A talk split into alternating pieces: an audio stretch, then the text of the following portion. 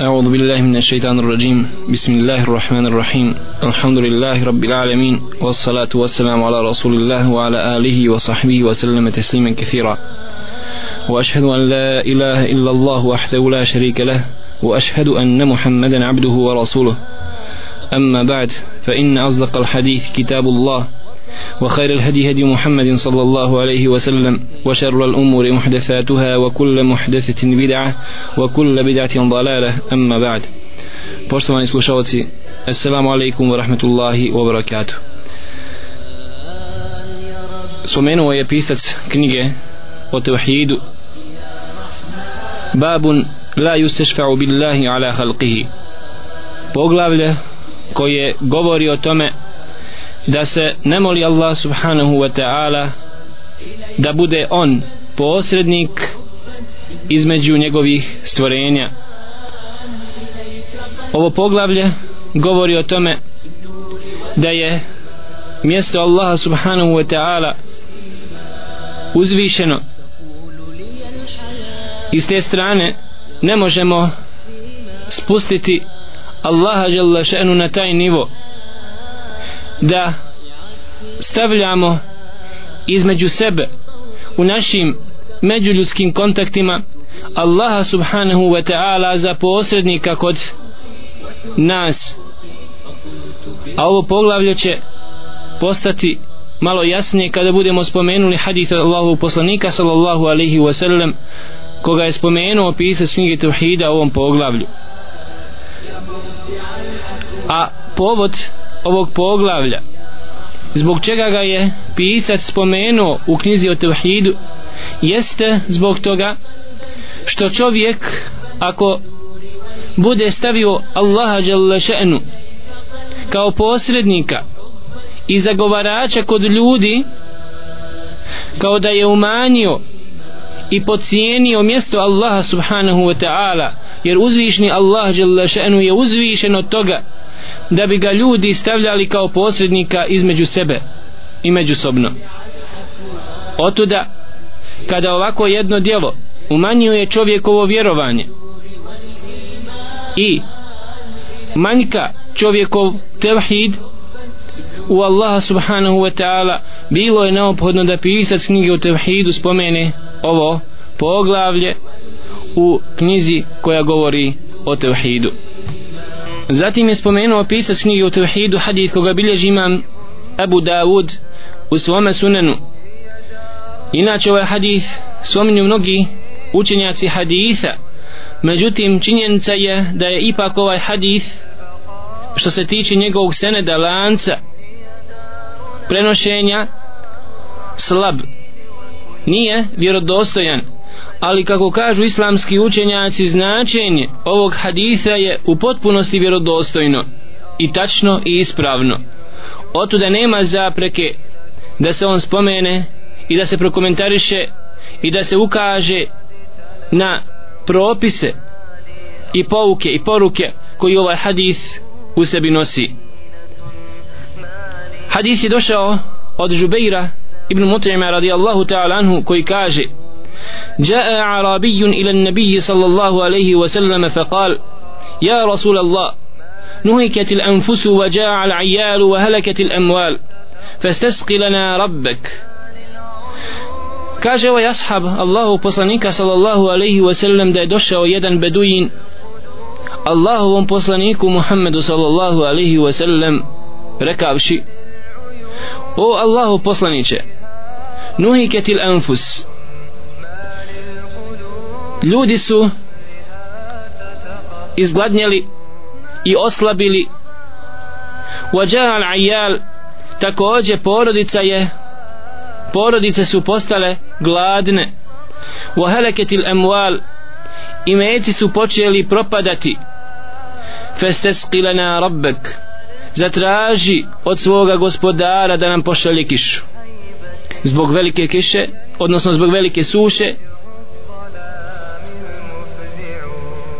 počeli su životinje umirati počeli su ima imeci propadati ljudi su oslabili zbog gladi i žeđi i u fizičkom ali isto tako i u duševnom smislu jer vrućina utiče i na samu dušu i na raspoloženje čovjeka.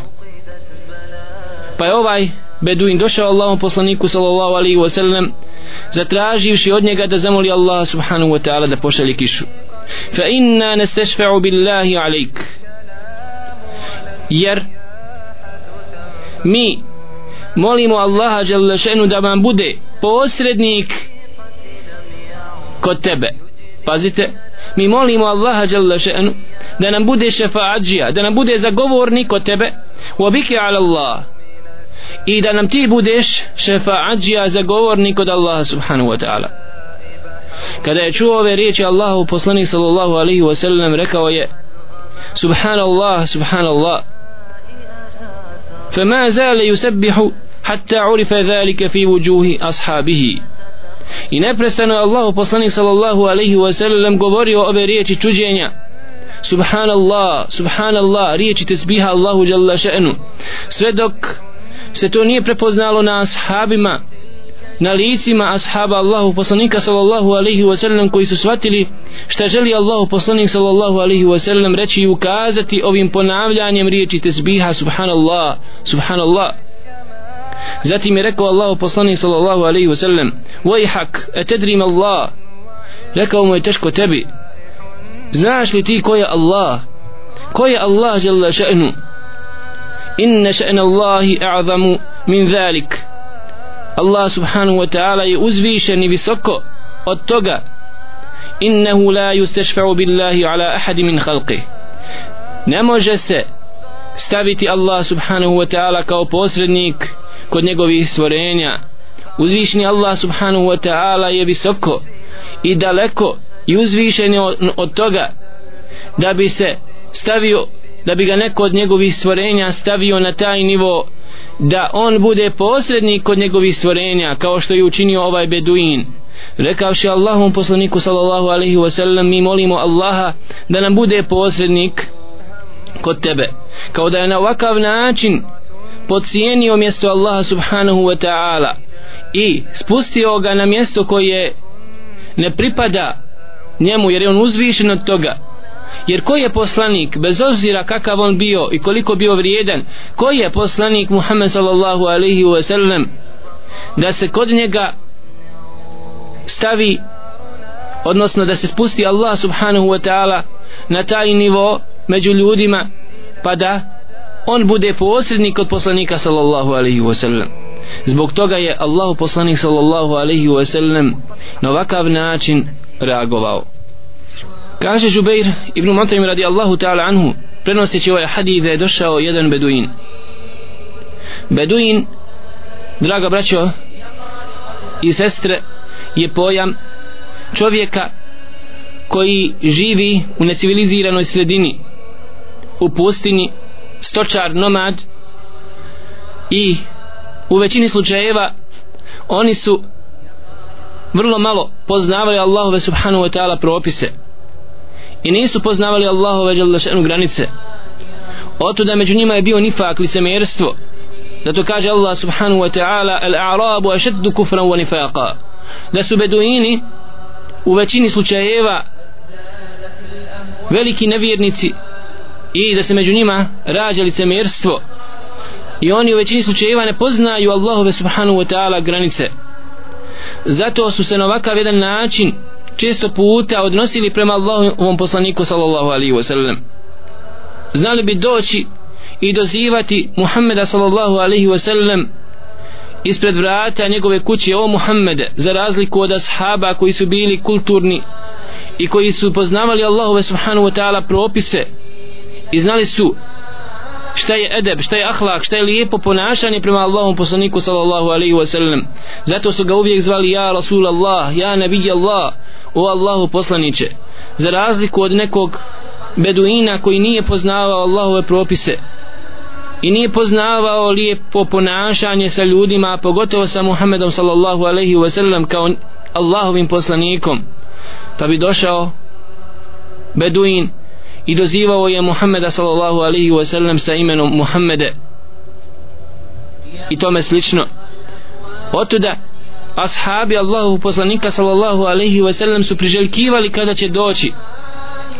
Neko iz pustinje pa upitati Allahu poslanika sallallahu alaihi wa sallam određenim stvarima jer su se ashabi ustručavali i često puta bojali pitati Allahu poslanika sallallahu alejhi ve sellem za određene propise jer je uzvišni Allah dželle zabranio svakakva postavljanja pitanja.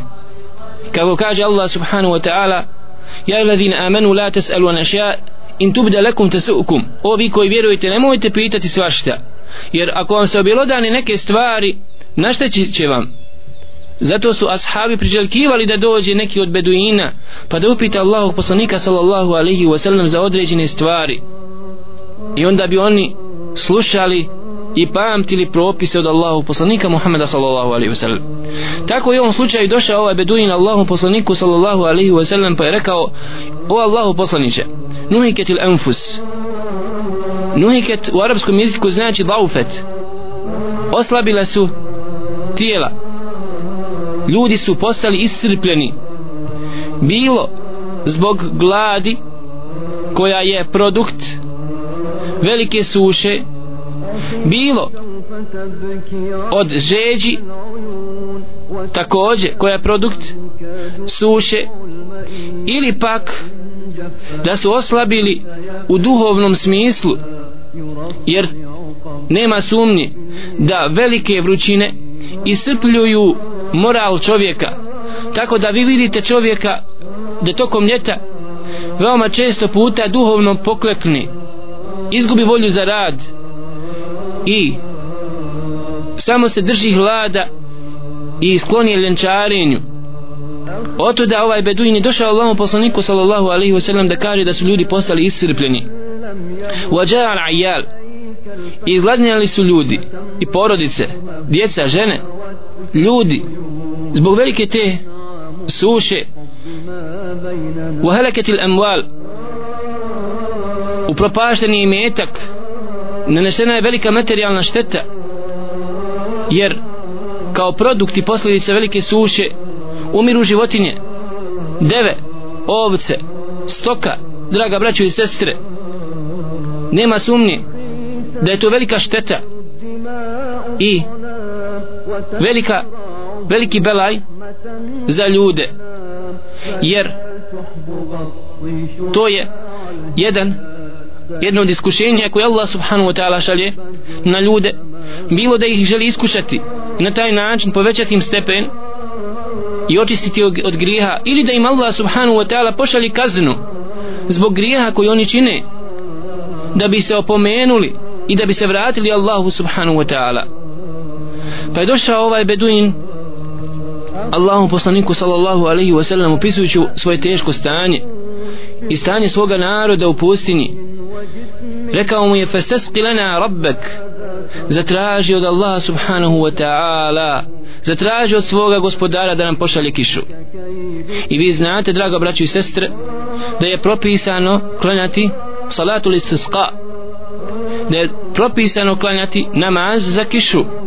I nažalost ovaj sunnet je skoro izumro na našim područjima a to je sunnet Allahu poslanika sallallahu alaihi wa sallam.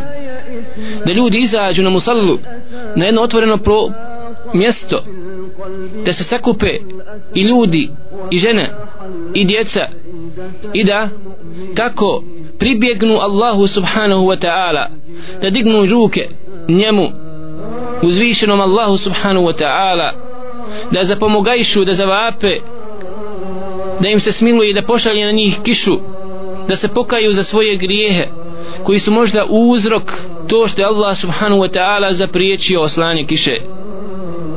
Jeste draga braćo i sestre jer hoće Allah subhanahu wa ta'ala svoji robova da mu se vrati, da mu se pokaju da priznaju svoje grijehe da priznaju svoju bijedu i da pribjegnu samo njemu i da svežu srce samo za njega Allah subhanahu wa ta'ala da bi im se on smilovao i da bi poslao svoj rahmet, svoju milost kišu na svoja stvorenja. I kažemo to je bila praksa Allahu poslanika sallallahu alaihi wa sallam. Međutim ta praksa kažemo uveliko je zamrla. Na našim područjima i treba je oživiti pogotovo u ovako teškim danima gdje vi vidite veliku sušu koja je zadesila otprilike čitav svijet i nas ovdje gdje mnogi ljudi ne pamte ovolike vremenske odnosno ponemećaje u prirodi kao ovog ljeta gdje vi vidite velike suše velike probleme sa vodom. Zato je bila praksa Allahu poslanika sallallahu alaihi wa sallam da čini kišnu dovu i da klanja namaz za kišu. Pa je došao ovaj beduin Allahom poslaniku sallallahu alaihi wa sallam da zatraži od njega draga braćo i sestre da zamoli on Muhammed sallallahu alaihi wa sallam uzvišnog Allaha jalla še'nu za kišu. I došao je ovaj beduin draga braćo i sestre Allahom poslaniku sallallahu alaihi wa sallam da zatraži od njega da zamoli Allah subhanahu wa ta'ala za kišu da pošalje na svoja stvorenja svoju milost vidimo iz ovog hadisa da je Allahu poslanik sallallahu alaihi wa sallam da Allahu poslanik sallallahu alaihi wa sallam nije protivriječio ovu meduinu ovu stvar to što je zatražio od njega Muhammeda sallallahu alaihi wa sallam da zamoli Allaha jalla še'nu. Iz čega se uzima veoma bitan propis a to je da nema zapreke dragi brate i sestro da čovjek zatraži od svoga brata ili sestre za koga smatra da je pobožan i da se pridržava Allahove subhanahu wa ta'ala vjere da zatraži od njega za vrijeme njegovog života znači dok je on živ da uputi Allahu subhanahu wa ta'ala dovu za njega. Kao da dođeš svome bratu ili sestri da kažeš brate moj možeš li učiniti dovu Allahu subhanahu wa ta'ala za mene? Ili da mu kažeš dragi brate moli Allaha za mene pogotovo kada se čovjek nalazi u jednom teškom halu, teškoj situaciji, u, nekoj, u nekom iskušenju. Jer za ovu stvar imamo dokaz u hadisu koga bilješi imam Ahmed u svome musnedu također Abu Dawud u svome sunenu da je Allah poslanik sallallahu alaihi wasallam oporučio Omer ibn Khattabu radijallahu ta'ala anhu kada je krenuo da obavi umru.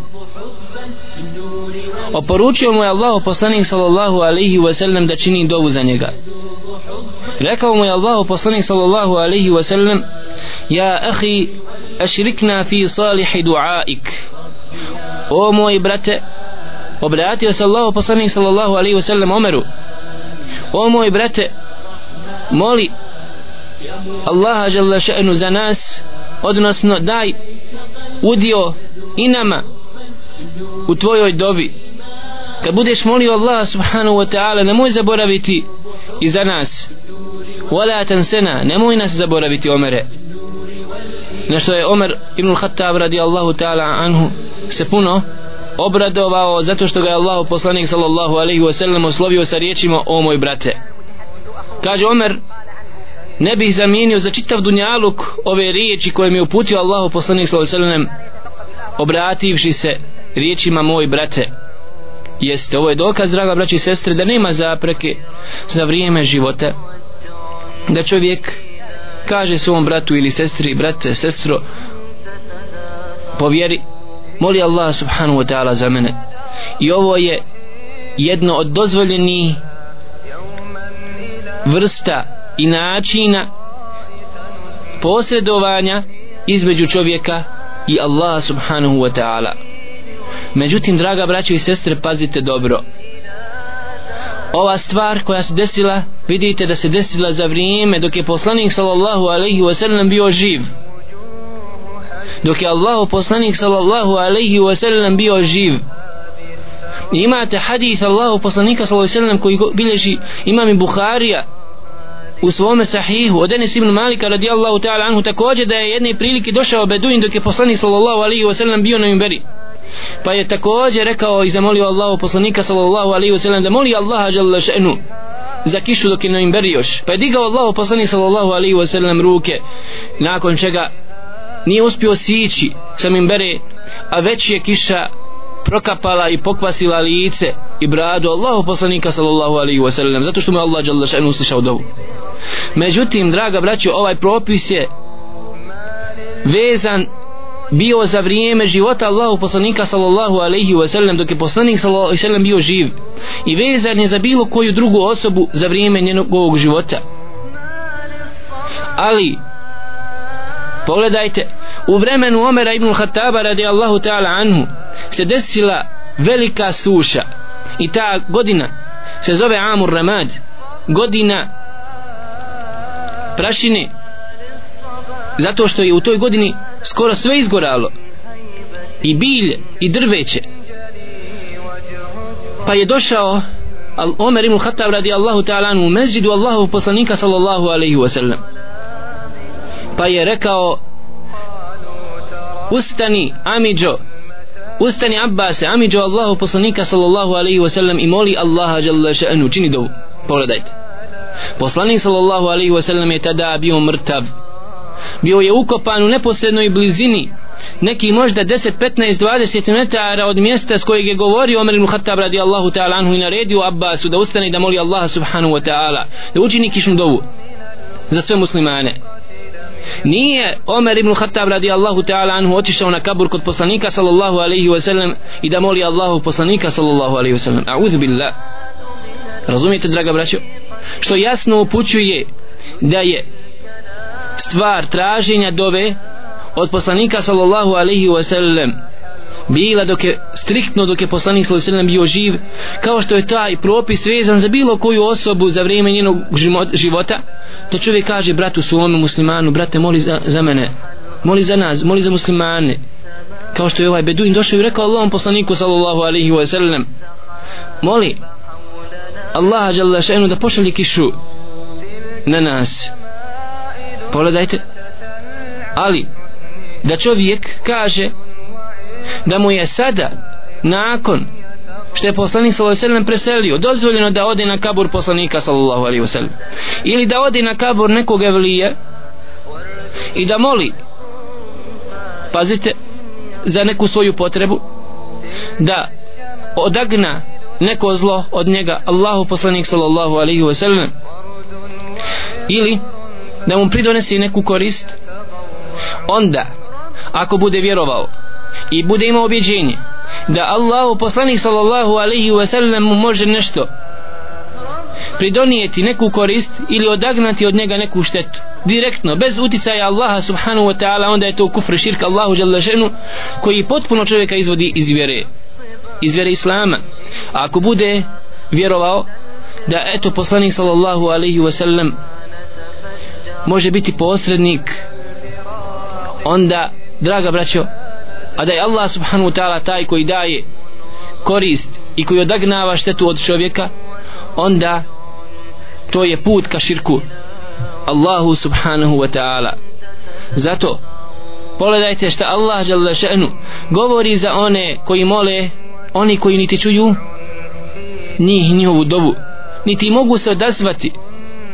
Taj čovjek koji je umro koji se nalazi u kaburu makoliko on bio dobar bez obzira kakav bio u našim očima i kakav evlija bio pa čak da se radi i u najboljem stvorenju Muhammedu sallallahu alaihi wa sallam on je mrtav in neke mejitun kaže Allah subhanahu wa ta'ala ti si mrtav obraćajući se Muhammedu sallallahu alaihi wa sallam nagovještavajući da će on umrijeti وما محمد إلا رسول قد خلت من قبله الرسل a Muhammed sallallahu alaihi wa sallam nije ništa drugo nego poslanik kao što su bili prijašnji poslanici i prije njega je bilo poslanika. A fe imate u kutilan kalabtum ala aqabikum. Ako bi on umro ili bio ubijen zar biste se vi vratili stopama kufra? Sve su ovo jasni dokazi da je poslanik sallallahu alaihi wasallam mrtav. I da ne može čuti čovjeka koji ga doziva i koji ga moli. Za razliku od nekih zabludnjelih pravaca i sekti koji vjeruju da poslanik sallallahu alaihi wasallam može im pomoći da nas Allah subhanahu wa ta'ala sačuva od toga na njih se odnosi kuranski ajet والذين تدعون من دونه ما يملكون من قطمير إن تدعوهم لا يسمعوا دعاءكم ولو سمعوا ما استجابوا لكم ويوم القيامة يكفرون بشرككم kaže Allah subhanahu wa ta'ala a oni koji vi molite mimo njega Allah subhanahu wa ta'ala oni ne posjeduju svoje vlasti ni najmanju najmanji trun. Ništa oni ne posjeduju ama baš ništa. Ako vi budete molili oni vas neće čuti. Neće čuti vašu dobu koju vi upućujete njima. Ako bi i čuli oni vam se ne mogu odazvati. Oni vam se ne mogu odazvati a na sudnjem danu oni će zanekirati vaš širk. Wa yawm al qiyamati yakfuruna bi shirkikum a na sudnjem danu oni će zanekirati vaše pridruživanje Allahu subhanahu wa ta'ala druga. To što ste njih dozivali umjesto Allaha subhanahu wa ta'ala oni će negirati na sudnjem danu protivriječiti da niste imali pravo za to. Zato svako onaj ko moli nekoga mimo Allaha subhanahu wa ta'ala draga braćo i sestre čini širk Allahu jalla še'nu zato što je dova ibadet kao kaže Allahu poslanik sallallahu alaihi wasallam ad-du'au huva la ibada da je dova pravi ibadet a s druge strane ibadet nije dozvoljeno nikome drugom upućivati osim Allahu jednom i jedinom. Wa anna al masajida lillahi fala tad'u ma'a Allahi ahada džamije, mezđidi su Allahove kuće i nemoj moliti u njima nikoga drugog osim Allaha subhanahu wa ta'ala zato čovjek treba da vodi računa i da bude oprezan i da razgraniči ova dva pojma. To što je Beduin došao na ovakav jedan način i zatražio od Allahu poslanika sallallahu alaihi wa sallam da moli Allaha žele še'nu to je bilo za vrijeme njegovog života. A nakon smrti vidjet ćete da nije bilo ni jednog baš ni jednog sahaba Allahu poslanika sallallahu alaihi wa sallam da je nakon smrti došao kod kabura i molio Allahu poslanika. Eudhu billahu toga. I pored toga što su prolazili teška iskušenja ali su dolazili klanjali u džamiju Allahu poslanika sallallahu alaihi wa sallam i molili uzvišnog Allaha jednog i jedinog. Zatim je ovaj Beduin rekao Allahom poslaniku sallallahu alaihi wa sallam fa inna nestešfa'u billahi alaik mi uzimamo Allaha subhanahu wa ta'ala za posrednika između nas i tebe. Da bi ti molio Allaha žele ženu kao da iz ove ovih riječi proizilazi da je Allah subhanahu wa ta'ala na manjem stepenu od Allahu poslanika sallallahu alaihi wa sallam. Jer kako ima logike da se stavi Allah subhanahu wa ta'ala kao posrednik i šefaadžija, zagovornik od poslanika sallallahu alaihi wa sallam. Wa nastashfi'u bika ala Allah. A tebe uzimamo kao posrednika kod Allaha subhanahu wa ta'ala. Pogledajte. Zagovornika Muhammeda sallallahu alaihi wa sallam na taj način znači što će učiniti dovu Allahu subhanahu wa ta'ala. I to je ono što smo pojasnili da nema zapreke da nije bilo zapreke u vremenu poslanika sallallahu alejhi dok je poslanik bio živ da čovjek zatraži od Allahu poslanika sallallahu alejhi ve sellem da moli Allaha dželle šanu za njega. I da se ta stvar striktno odnosi za vrijeme poslanika sallallahu alejhi ve sellem i da se odnosi na svako drugo živo biće da čovjek zatraži od svoga brata ili sestre da učini Allahu subhanahu wa ta'ala dovu za njega ili za muslimane. Pa kada je čuo Allahu poslanik sallallahu alejhi ve sellem ove prethodne riječi gdje se podcjenjuje Allah subhanahu wa ta'ala rekao je subhanallah subhanallah i neprestano je počeo govoriti te riječi subhanallah subhanallah. Do te mjeri da se to vidjelo na licu ashaba Allahu poslanika sallallahu alaihi wa sallam skontali i shvatili da je nešto uznemirilo Allahu poslanika sallallahu alaihi wa sallam. Jer inače Allahu poslanik sallallahu alaihi wa sallam se znao naljutiti kada bi neko umanjio ili pokušao nešto uraditi po pitanju tevhida i kada bi pogriješio nešto prema Allahu subhanahu wa ta'ala. S ciljem zaštite čistog tevhida čistog monoteizma zaštite prava Allaha subhanahu wa ta'ala kod njegovih robova. Inače riječi subhanallah označavaju čišćenje. Allaha subhanahu wa ta'ala od bilo kakvi manjkavosti i krnjavosti. Ovim riječima se čisti Allah subhanahu wa ta'ala i uzdiže od bilo kakvih osobina krnjavosti ili manjkavosti. Nema sumnje da na ovakav način je ovaj beduin pokušao opisati Allah subhanahu wa ta'ala sa svojstvom krnjavosti jer ga je spustio na mjesto njegovih stvorenja što apsolutno nije dozvoljeno jer Allah subhanahu wa ta'ala je uzvišen od toga zato je Allah poslanik sallallahu alaihi wa sallam rekao ove riječi subhanallah.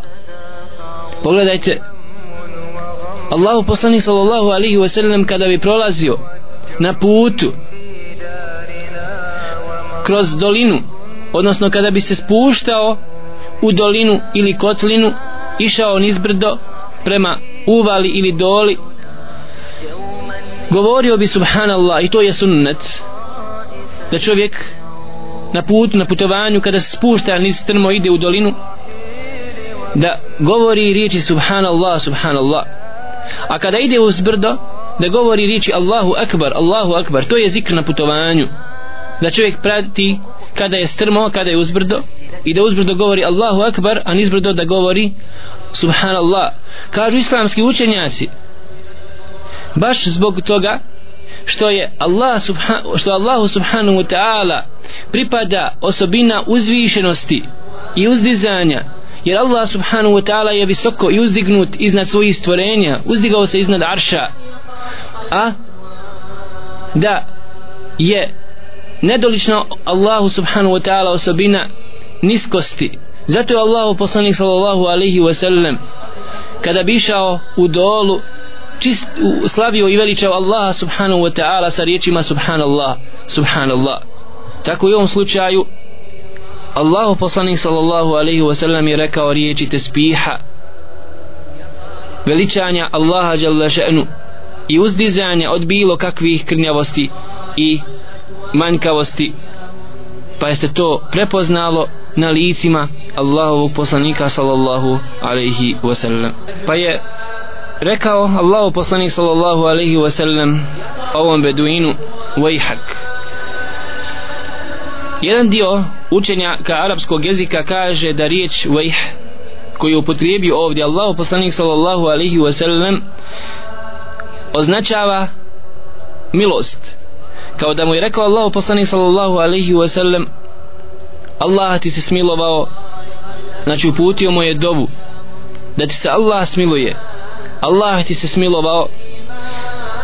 Dok drugi dio učenjaka arapskog jezika kaže da riječ vejhak označava isto kao i riječ vejl a to je riječ upozorenja da se pripazi, pazi teško tebi u tom smislu ali u svakom slučaju bilo da ove riječi znači riječi upozorenja ili da znači riječi milosti.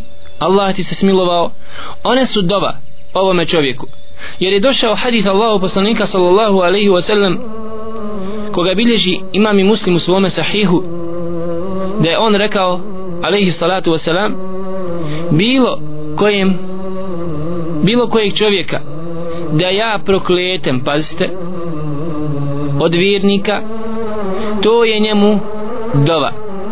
To je njemu dova. Tako da u ovom slučaju bilo da ove riječi znači riječi milosti bilo da znači riječi upozorenja one su dova za ovog ashaba Allahov poslanika sallallahu alaihi wa sallam. Tada mu je rekao Allahov poslanik sallallahu alaihi wa sallam a Allah znaš li ti ko je Allah jalla še'nu? Kao da ga želi upoznati odnosno upozoriti na veličinu Allaha subhanahu wa ta'ala i njegovog uzvišenog bića njegove veličine kao da čovjek nije spoznao pravu veličinu Allaha dželle še'nu i njegovo mjesto kao gospodara nebesa i zemlje gospodara svega što postoji. Bića koji zaslužuje da biva obožavano i u strahu i u nadi da se njemu ibadet izražava.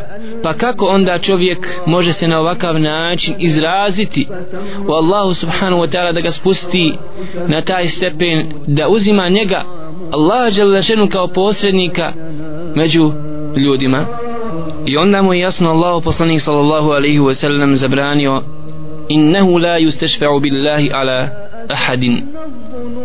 Ne smije se staviti Allah subhanahu wa ta'ala kao posrednik kod njegovih stvorenja. Ovo je bila jasna zabrana Allahu poslanika sallallahu alaihi wa sallam po pitanju njegovih riječi da stavi Allah subhanahu wa ta'ala kao posrednika među njegovim stvorenjima međutim primijetit ćemo da Allah poslanik sallallahu alaihi wasallam nije protivrečio i nije mu sugerisao i nije mu zabranio to što ga je ovaj beduin uzeo po pitanju dove da on moli Allaha subhanahu wa ta'ala da pošalje kišu Allah subhanahu wa ta'ala što znači da je to dozvoljeno kako smo to pojasnili da je bilo dozvoljeno u vremenu odnosno za života Allahu poslanika sallallahu alaihi wasallam. To uraditi kao što je dozvoljeno nama međusobno da kažemo jedni drugima brate moli Allah subhanahu wa ta'ala za mene ili za muslimane i tome slično. Ovaj propis koji smo izvukli malo prije izlačimo iz jednog pravila šerijaskog pravila koji glasi da ukoliko dođe u tekstovima Kur'ana i Sunneta nekoliko stvari pa onda šerijat neke stvari zanegira i protivreči kao što se desilo da je poslanik sallallahu alaihi wasallam zanegirao ove riječi beduinu onda one druge stvari o kojima je šerijat prešutio one ostaju dozvoljene da bi nam recimo postalo ovo pravilo jasno ne vešimo primjer iz Kur'ana gdje Allah subhanahu wa ta'ala spominje pa kaže Allah jalla še'nu وإذا فعلوا فاحشة قالوا وجدنا عليها آباءنا والله أمرنا بها قل إن الله لا يأمر بالفحشاء kaže Allah subhanahu wa ta'ala po pitanju onih koji slijepo slijedi svoje očeve u griješenju i svoje pretke koji se uhvatili za svoje pretke u griješenju Allahu subhanahu wa ta'ala. Kaže Allah želešanu za njih kada oni uradi neko loše djelo kažu mi smo zatekli naše babe zatekli smo naše djedove naše pretke da ih čini te grijehe i te novotarije koje mi činimo mi smo zatekli naše babe. I Allah nam je oni kažu naredio. Wallahu amara nabiha. Allah nam je naredio da ih radimo. Subhanallah. Međutim pogledajte našli su dva argumenta. Prvi argument u ovome kuranskom ajetu uzeli su argument svoje pretke da su zatekli svoje babe svoje roditelje, svoje djedove da tako čine a drugi argument je Allah subhanahu wa ta'ala naredio da čine ta loša djela. Pa im Allah žele še'nu negira. Pa kaže da Allah subhanahu wa ta'ala ne može narediti zlo. Ne može te grijehe Allah subhanahu wa ta'ala narediti. Ali im nije zanegirao i nije im Allah subhanahu wa ta'ala protivriječio to što slijede svoje babe što znači draga braćo i sestre što znači da je istina da su oni slijedili svoje očeve u tom zlu. Da nisu slagali po tom pitanju ali su slagali na Allaha subhanahu wa ta'ala. Te harame što čine jeste oni ih čine zbog toga što su njihovi roditelji i njihovi babe činili te zabrane i te novotarije. Ali Allah subhanahu wa ta'ala nije im to učinio. Tako da i u ovom slučaju što je poslanik sallallahu alaihi wa sallam spomenuo i negi, zanegirao vidimo da šerijat određene stvari napomene a one koje ne napomene to je onako kako su one došle takve kakve jesu. Allah subhanahu wa ta'ala najbolje zna. Molim uzvišnog Allah subhanahu wa ta'ala da oprosti grijehe svim muslimanima koji su umrli na la ilaha illallah muhammadur rasulullah molim uzvišnog Allaha subhanahu wa ta'ala da očisti naše vjerovanje od primjesa bilo kakvih novotarija i noviteta i novih stvari i od bilo kakvih širkijata pridruživanja Allahu subhanahu wa ta'ala bilo po pitanju naših nijetova bilo po pitanju naših govora ili naših dijela. أقول قولي هذا وأستغفر الله لي ولكم ولسائر المؤمنين فاستغفروه إنه هو الغفور الرحيم.